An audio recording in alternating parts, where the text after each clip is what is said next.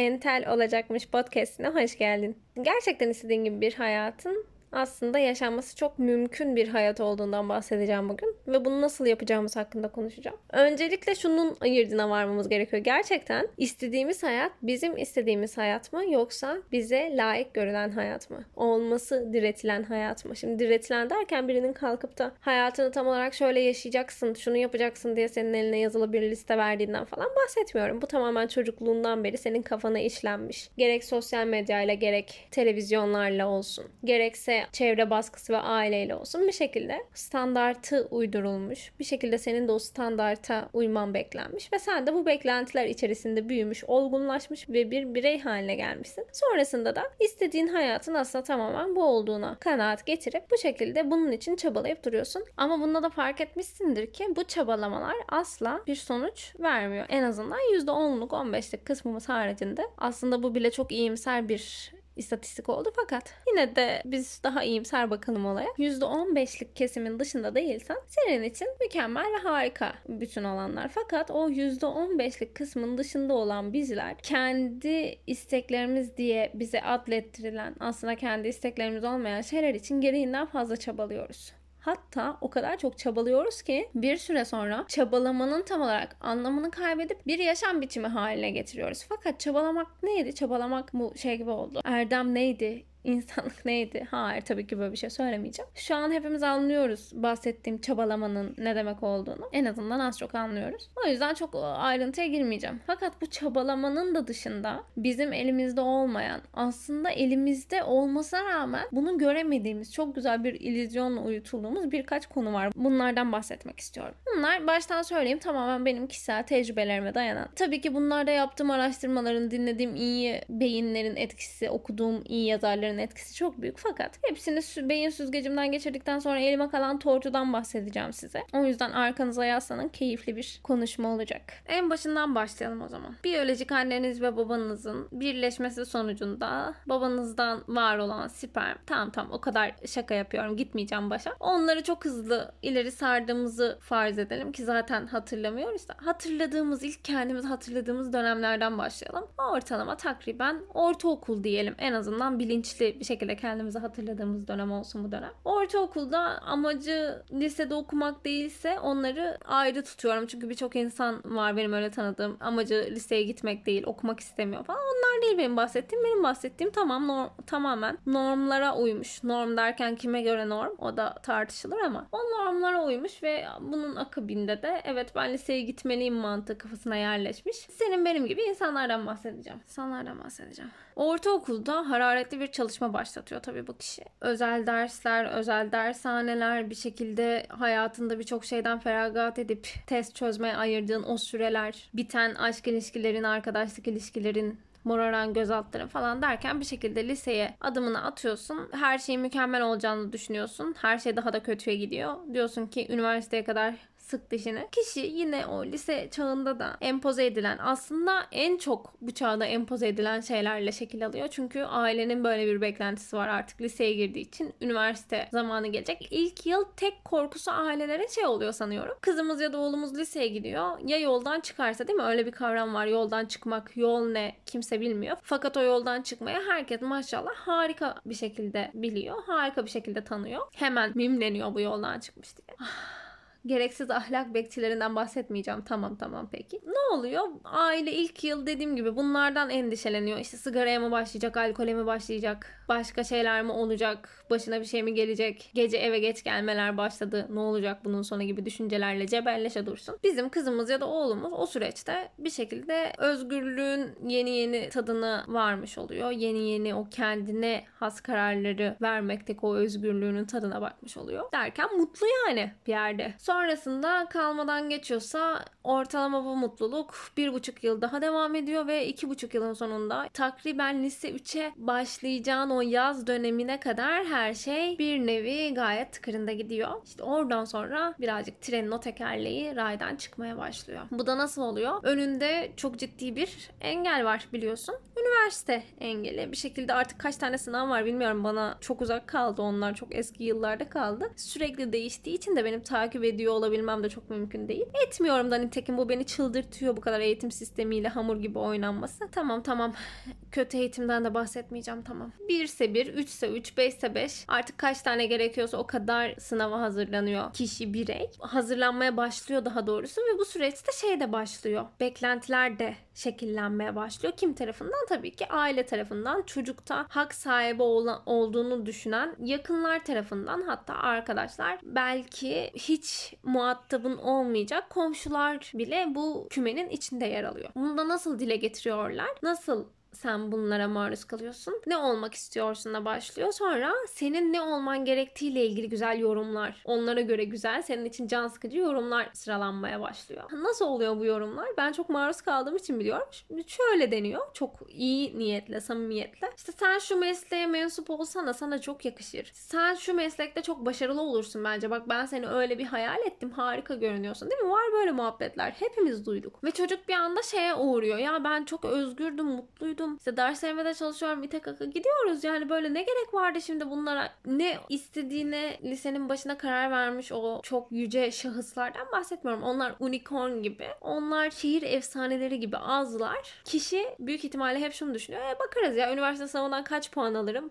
benim için en karlısı ne olur? Özellikle yeni nesilde ben bunu çok net görüyorum ve değişik bir şekilde benim hoşuma gidiyor açıkçası. Gerçekten çok gereksiz beklentilerle kafayı yormadan şunu söylüyor bana. Mesela hayattan beklentin ne diyorum? Ya da bir muhabbet esnasında konu dönüp dolaşıp oraya geliyorsa benim yüzümden ya da benim elimde olmayan sebepler, dış etkenler yüzünden çocuk bana kalkıp şöyle cevap verebiliyor. Üniversite puanına göre bana en iyi kar getirecek, en iyi para kazanmamı sağlayacak mesleği seçeceğim. Olay tamamen buna dönmüş durumda artık. Çünkü biliyorsunuz ki yatmak da para, kalkmak da para, yaşamak da hatta ölmek bile para. Buna da çocuklar çok küçük yaştan itibaren maruz kaldıkları için tamamen bütün amaçları daha iyi para kazanmak olmuş durumda. Araya bir virgül atacağım. Geçen gün yaşadığım bir olaydan bahsedeceğim. Benim bir dükkanım var. Sürekli başında durmamı gerektirmeyen bir dükkan bu.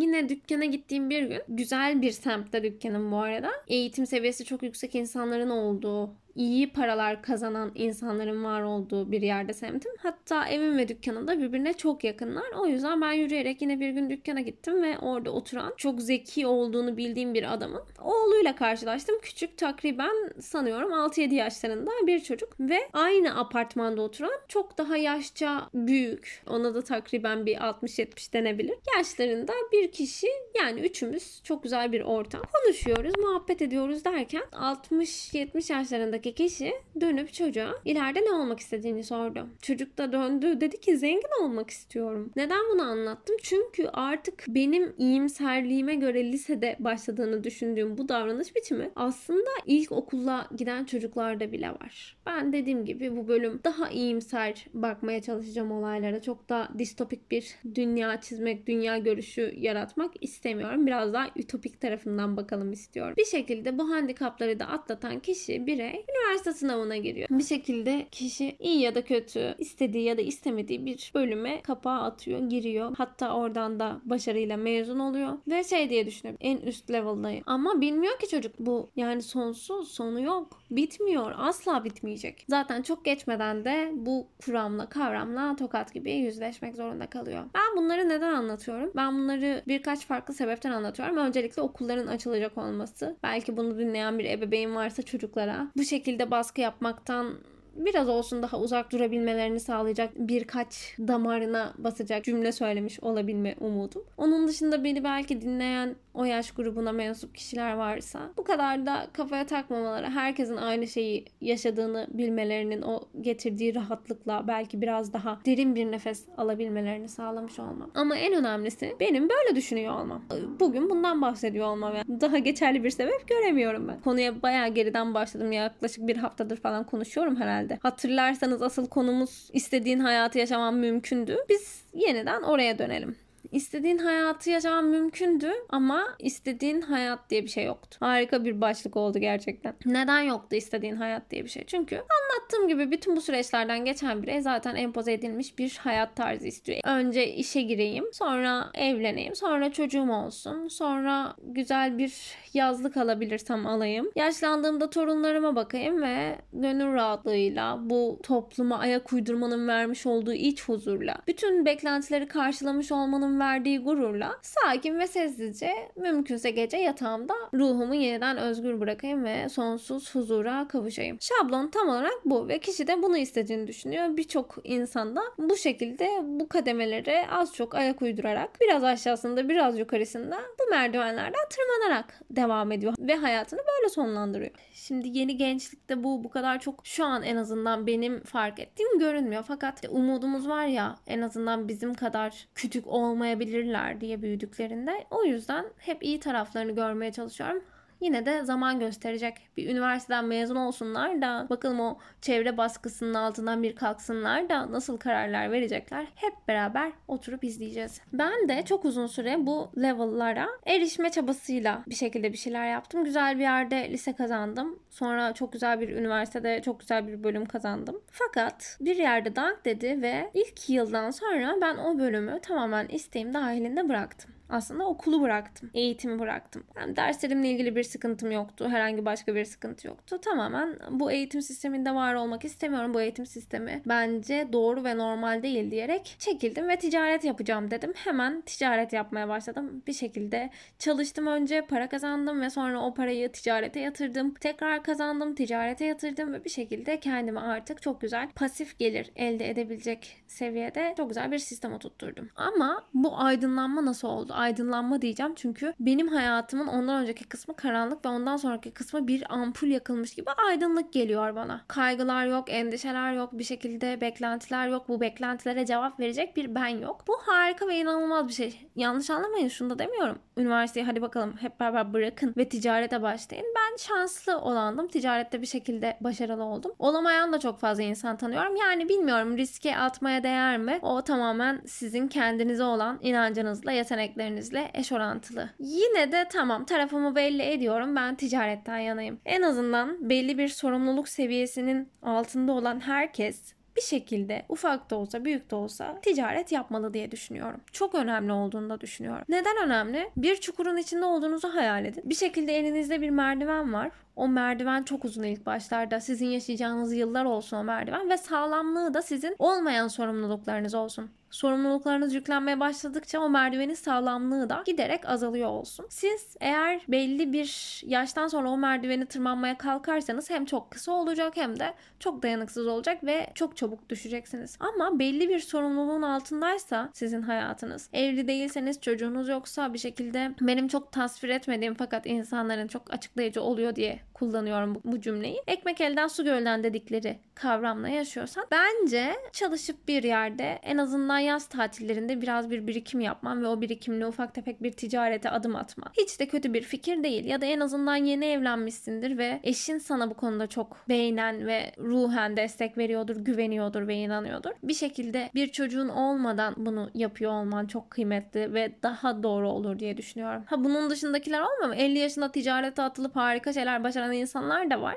Ama bu oran dediğim gibi zaman geçtikçe çok daha düşüyor. Çünkü senin sorumlulukların seni ayağından çekiyor. İşte çocuk var, çocuğun gitmesi gereken özel bir okul var, dershanesi var. Giymesi gereken güzel kıyafetler var. Yapılması gereken bir yaş doğum günü var. Lütfen lütfen o bir yaş doğum günü Allah'ım tamam tamam. Saçma sapan bir yaş doğum gününden de bahsetmeyeceğim tamam. Konuyu yine inanılmaz dağıttım. Kaldığım yerden devam ediyorum. Ticarete atıldım. Sonraki adımlar zorlayıcı ve yıpratıcı da olsa atmayı, bu çevre baskısına direnmeyi seçtim ve herkes hayır oku ne demek ticaret çok güzel bir bölümüm var çok güzel mesleğim var bak çok zekisin derslerin çok iyi neden böyle yapıyorsun şöyle yapıyorsun diye konuşmalarını aldırış etmemeye çalışarak derin nefesler alarak meditasyon yaparak insanlar konuşurken başka şeyler düşünmeyi adet edinerek yalnızca bu tarz konuşmalar yapılırken tabii ki onları duymamayı tercih ederek bir şekilde o tuzaklardan atlaya atlaya çok güzel bir sonuca vardım. Şimdi bana onları söyleyen insanlar of ya keşke biz de zamanında böyle bir şeyler yapsaydık. Çok mu geç kaldık? Ne düşünüyorsun? Şurada bir iş fikrim var bak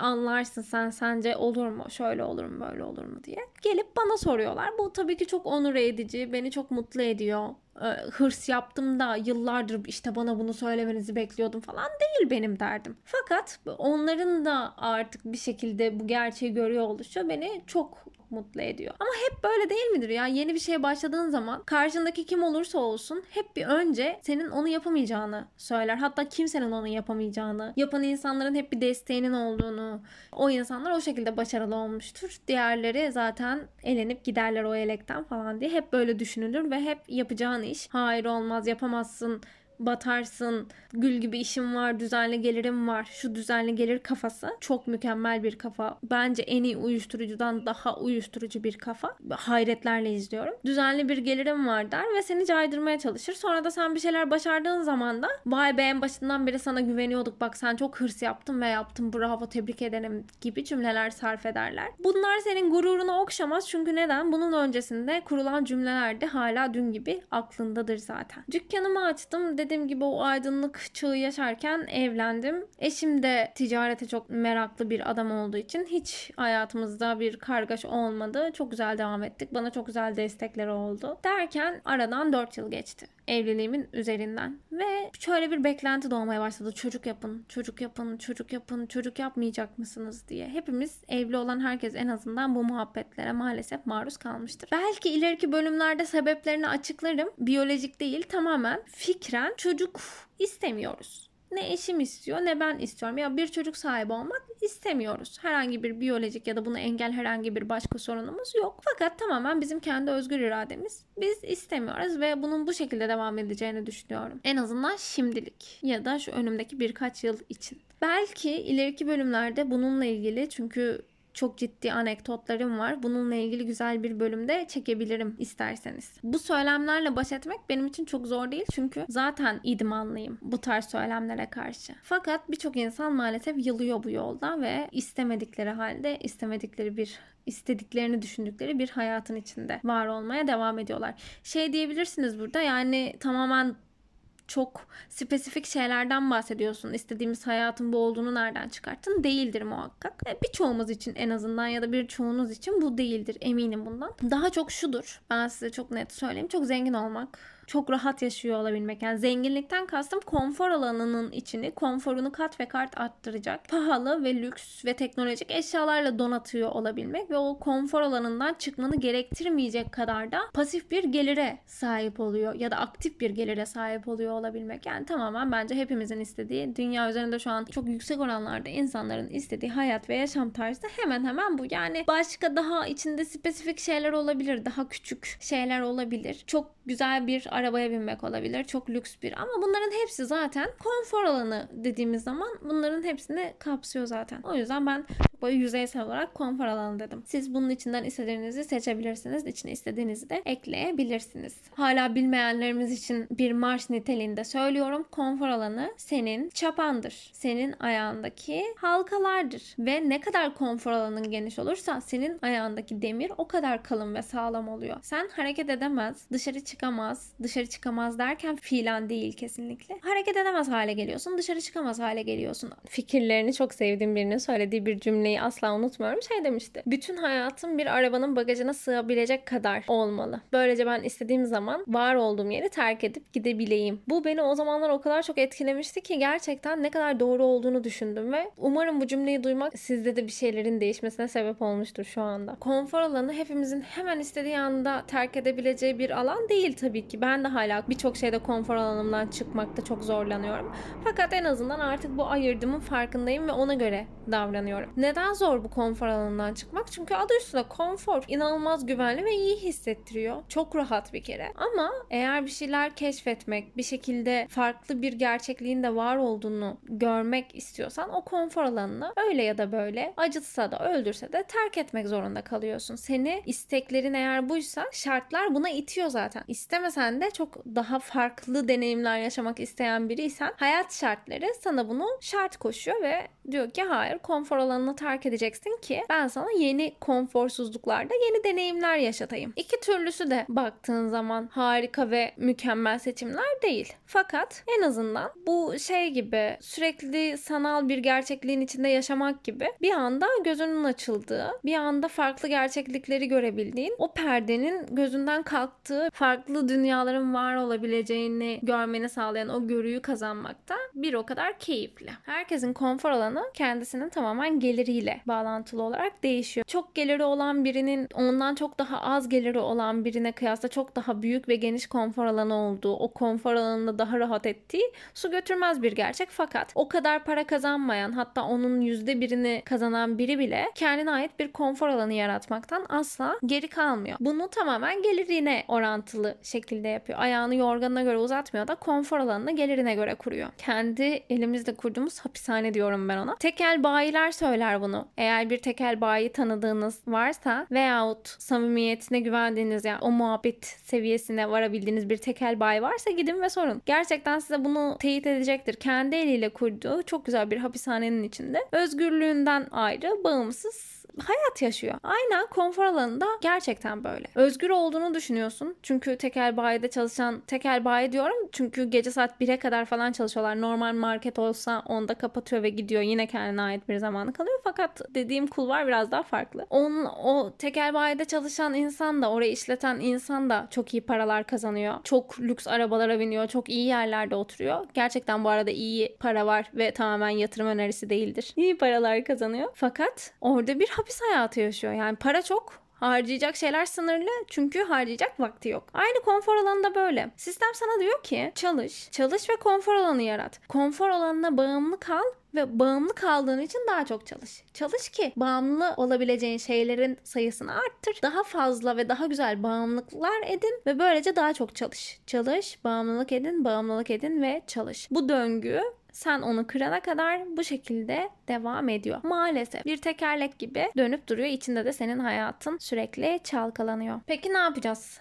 Bütün işi gücü bırakalım her şeyi keşiş olalım ve dağlara mı yerleşelim? Hayır tabii ki. Öyle bir şeyden bahsetmiyorum. Demek istediğim şey zamanını gerçekten neye harcadığına dikkat etmelisin. Çünkü senin para diye harcadığın şey aslında zaman. Biz bu ayırdığımı gözden çok fazla kaçırıyoruz. Fark etmiyoruz bile çoğu zaman. Sen 10 lirayı da 1000 lirayı da 100 bin lirayı da kazanmak için belirli bir zaman çalışıyorsun. Ki zaman geri dönüşü, geri dönüşü olmayan tek kaynak biliyorsunuz. Sen orada bir atıyorum e, araba alırken bir telefon alırken çok lüks model hiç ihtiyacın olmamasına rağmen para verdiğini düşünüyorsun. Fakat verdiğin şey senin o parayı kazanırken harcadığın zaman. Zamanını ona veriyorsun. Ne kadar zaman eder mesela elinde tuttuğun o telefon? Şu an belki beni dinlediğin aslında sadece film izlemek için kullandığın iş için ya da gerçekten gerekli olduğu için sahip olanlardan bahsetmiyorum. Onları ayrı tutuyorum. Bunun dışında sadece markasına sahip olmak istediği için sistem ona böyle dayattığı için ve daha popüler olacağını düşündüğü için aldığı o elinde tuttuğu cihaz ne kadar zamanla değer? Mesela diyelim ki yarın gelip sana zamanın artık doldu ve 3 günün var dediler. Sen o 3 gününü ne için harcarsın? O elindeki telefon için mi? O sahip olduğun bilgisayar için mi? Bindiğin çok lüks araba için mi? Ama maalesef bunu yapıyoruz çünkü kimse kalkıp bize ya kardeş senin zamanın zaten sınırlı ve sen aldığın her şeyin karşılığını zamanla ödüyorsun. Ya deli misin? Bu kadar zamanını bu kadar saçma şeyi neden harcıyorsun? demiyor. Bunu tam tersi destekliyor diyor ki taktığın saat kadar kalitelisin. Kullandığın telefon kadar ulaşılabilirsin. Kullandığın telefon kadar popülersin. Ne kadar iyi resimler çekersen o kadar çok takipçin olur. Ne kadar çok takipçin olursa o kadar çok var olursun. Yoksa sen yoksun. Olay tamamen bundan ibaret. Onun dışında alışveriş sektörü de aynı şekilde ilerliyor. Eskiden 4 mevsim olan, çok özür diliyorum 4 sezon olan kreasyonlar, koleksiyonlar artık 32 sezon olmuş. 32 sezon. Yani kaç tane mevsimimiz var bizim? İlkbahar, yaz, sonbahar, kış. Benim bildiğim bu. Ama belli ki bizim bilemediğimiz ve bizim gözden kaçırdığımız 28 tane mevsim daha var ki 28 kreasyon daha çıkartıyorlar. Bunun sebebi de tabii ki hız. Hız çağında yaşıyoruz. Her şey çok hızlı. Ulaşım artık çok hızlı. Bu ulaşımdan kastım trafikte 3 saat beklediğimiz arabanın içindeki ulaşım değil kesinlikle. Bu ulaşımdan kastım telefonla bir anda birine ulaşıyor olabilme hızımız. Bu hız e, bilgi hızı çok çabuk bilgiye ulaşabiliyoruz. O bilgiyi çok çabuk sindiriyoruz. Hatta maalesef o bilgiyi çok çabuk unutuyoruz. Bizim beynimizdeki kota da sınırlı. O kota dolduğu zaman, o depoda olduğu zaman sen unutmak istemeyeceğin başka şeyleri unutuyorsun. Yeni bilgiler ekleme kuruna eski bilgileri uzun vadeli depolamaya yolluyorsun. Bu yüzden hatırlamakta zorlanıyorsun vesaire vesaire. Yani her şey artık o kadar hızlı olduğu için ben alışverişin de bu denli hızlanmış olmasını ilk duyduğum zaman çok yadırgamadım. Çok buna şaşırmadım ama bazen kalkıp da bunu bilmeyen birine söylediğim zaman 32 sezonmuş. Düşünsene bir marka, kıyafet markası 32 farklı sezon yaratıyor ve sen sürekli o sezon bitecek, yeni gelen mal bitecek, bu üründen alamayacağım, bu seriyi kaçıracağım diye sürekli alışveriş yapmak zorunda hissediyorsun kendini. Çünkü tekrar yok. Yeni bir şey çıkacak, yeni bir şey. Yetişmen gerekiyor. Bunu söylediğim zaman aa öyle mi? 32 sezon mu? Hiç fark etmemişiz diyorlar. Fark etmiyoruz. Çünkü zaten biz fark etmeye başladığımız zaman bunu yapamayacaklar. Şey diyeceğiz yani 4 sezon var ben. Yazlık alırım, ilkbaharlık alırım, sonbaharlık alırım, kışlık alırım. Asla öyle yapmıyoruz. Her hafta bir şeyler almamız gerekiyor. Çünkü her hafta neredeyse bir kreasyon çıkıyor. Yeni bir model çıkıyor. Hatta biliyorsunuz bazı büyük markalar 3 tane şimdi marka ismi vermeyeceğim. Hepsi iyi markalar. Birçok genç artık oralardan giyiniyor. Büyük ihtimalle tahmin ettiniz. 3 farklı adı altında yan yana dükkanlar açıyor. Üçü de farklıymış. Farklı isimlerde, farklı konseptlerde, farklı kişilere aitmiş gibi dursa da üçünün de toplam gelirinin gittiği yer tek bir şirket. Ve şirketin açıklaması şöyle insanlar bizim bir dükkanımızdan çıkıp diğer dükkanımıza giriyor ve ondan çıkıp bir başkasına giriyor. Fakat bunu fark etmiyorlar bile. Yani sistemin ne kadar ileride olduğunu, bizim bunu anlamamızın bile, bu hileleri görebilmemizin bile ne kadar zor olduğunu umarım fark etmişsinizdir. Şunun cevabını verecektim değil mi? Ne, ne yapacağız o zaman? Şöyle yapacağız. Mesela diyelim ki ben tekel bayilerden örnek verdik diye oradan yine devam edeyim. Bir tekel bayi sahibi sahibiyim ve gece saat 1'e kadar çalışıyorum. Çok lüks yaşamaya çalışıyorum. Telefonum en iyi marka, arabam en iyi marka. Belki haftada bir yapabildiğim tatil ya da haftanın yarım günü yapabildiğim tatilde gittiğim mekanlar en iyisi. Üstüme başıma aldığım kıyafetlerin haddi hesabı yok ve markaları en üst level'larda bu durumda. Ne yapacağım? Ben işte burada çok güzel bir formül var. Diyeceksin ki ihtiyacım olmayan hiçbir şey almamaya karar veriyorum. Gerçekten bir şeye ihtiyacım olduğunu düşünürsem alacağım. Düşünmezsem almayacağım. Hatta bir gün kendime müsaade edeceğim. Ve bir gün sonra o şeyi hala istiyorsam gidip onu alacağım. İstemiyorsam almayacağım. Böylece bir süre sonra senin o kadar çok çalışmana da gerek kalmayacak. Çünkü o kadar çok harcamıyorsun. O kadar çok bir şeylerin sahibi olmaman, olman gerektiğini düşünmüyorsun artık. O kadar markaya önem vermiyorsun. Ne oluyor? Bunun akabinde bir süre sonra 12'de, 11'de hatta 10'da kapatmaya başlıyorsun dükkanı. Çünkü kazandığın parasına yetiyor. Böylece ne oluyor? Oradan geri kalan sana 3 saat kısa gibi görünse de bence gayet uzun o 3 saat çünkü toplama vurduğun zaman ve yıllarla çarptığın zaman bayağı uzun süreler ediyor. O 3 saat sana kalıyor. Hem sağlığından vermemiş oluyorsun. Daha erken uyuyorsun. Daha çok ailenle zaman geçirmiş oluyorsun. Böylece psikolojik olarak bile kendine çok güzel yatırım yapmış oluyorsun. Zaten hepimizin istediği şey değil miydi ya? Sağlıklı, huzurlu ve mutlu bir hayat. Çok uzun zaman oldu sadece bu üçünü istemeyeli değil mi? Maalesef öyle. Bunun daha ileriki versiyonları var. Yani ileri zaman için planlanmış ve benim kafamda kurguladığım bazı programlar var. Bazı demeyeceğim bir tane program var. İşe yarayacağını umuyorum. Eğer işe yararsa muhakkak size söyleyeceğim. Önümüzdeki ortalama 30 yıl içinde işe yararsa size mutlaka söyleyeceğim. Ama şimdi ufak bir anlatmak istiyorum. Belki birçoğunuz için de akla yatkın gelir ve en azından bir ikiniz bile bu amaç uğrunda bir şeyler yaparsanız belki daha mutlu bir hayat koyarsınız ortaya ölümünüzden birkaç dakika önce. Şöyle olacak en azından benim için benim hayatım için şöyle olacak. İhtiyacım olmayan bana sadece dayatıldığı için farkında olmadan almam istendiği için hiçbir şey almayacağım. Gerçekten ihtiyacım olan şeyleri alacağım. İhtiyacım olan kadar alanda yaşayacağım ki ben stüdyo dairede oturuyorum. 5 artı bir evde oturacak kadar gelire de sahibim. Hiçbir sıkıntı yok yok ama stüdyo dairede oturuyorum. Çünkü ben bu hayatta, bu dünyada her insanın kaplaması gereken sınırlı bir yer olduğuna inanıyorum. O yerden fazlasını işgal etmemeye çalışıyorum. Ahlaki açıdan yani maddi açısını geçtim. Ahlaki açıdan da böyle düşündüğüm için antinatalizm görüşünü savunduğum için çocuk da istemiyorum. O yüzden de bir şekilde stüdyo daire bana fazlasıyla yetecek diye düşündüğüm için burada oturuyorum. Dediğim gibi ihtiyacım olmayan hiçbir şey satın almıyorum ve kendimi pasif gelirler elde etmek için şartlıyorum. Pasif gelir ve aktif gelir arasındaki farkı bilmeyenler için çok kısa söyleyeyim. Aktif gelir senin giderek atıyorum bir işin başına giderek her gün düzenli bir işe giderek bir şekilde senin içinde bulunduğun bir aktivite sonucunda kazandığım paradır. Pasif gelir de bu en temel benim yapmadığım ama en temel hepimizin anlayabileceği şekilde ev satın almaktır. Sen aktif olarak hiçbir şey yapmasan da pasif olarak her ay o evden kira alırsın. Bunun gibi ama bu verdiğim örnekten tamamen bağımsız birkaç kendimce bulduğum yöntemle ve yolla kendime pasif gelirler elde etme çabası içerisindeyim şu son birkaç yıldır. Ve bunu ufak ufak başardığımı da düşünüyorum. Ufak ufak başarıyorum. Şey diyebilirsiniz peki bunun sonu nereye varacak pasif gelir elde edince. Ne olacak? Ortalama 40 yaşına kadar hatta daha öncesinden pasif gelirlerimin bir şekilde beni mütevazi bir hayatta çok güzel destekleyebilecek seviyeye gelmesini umut ediyorum. Belli bir yaştan sonra emekli olup sadece oturup hiçbir şey üretmeden boş boş yaşamayacağım. Yine giderim çok ufak bir yerde bir atıyorum kafemi açarım, kitapçı açarım, plakçı açarım, herhangi bir şey yaparım. Açtığım kafede ya da açtığım küçük bir işletmede hiçbir kaygı gütmeden yalnızca her gün yeniden üretmek için ve meşgul olabilmek adına gidip geldiğim çok güzel, rahat yaşadığım ve kapitalizmin o bataklığından kurtulduğumu düşündüğüm en azından o zamana kadar kurtulmuş olabileceğimi umduğum bir hayat yaşamak istiyorum. Birçoğu için ne kadar kötü bir yaşam, ay çok basit bir yaşam gibi görünebilir. Fakat benim gibi kaostan hoşlanmayan, sakinliği seven ve herkesin üretmesi gerektiğini düşünen, üretmek için de zamana ihtiyacımız olduğunu düşünen insan insanlarsanız bence bu görüş size o kadar da saçma gelmeyebilir. Çok uzattım. Daha fazla uzatıp sana işkence etmeyeceğim. Bu arada birkaç haftadır yoktum. Birkaç haftalık bir aradan sonra yeniden buradayım. Sebeplerini belki ilerideki podcastlerde daha doğrusu kendime söylediğim geçerli sebepleri size de söyleme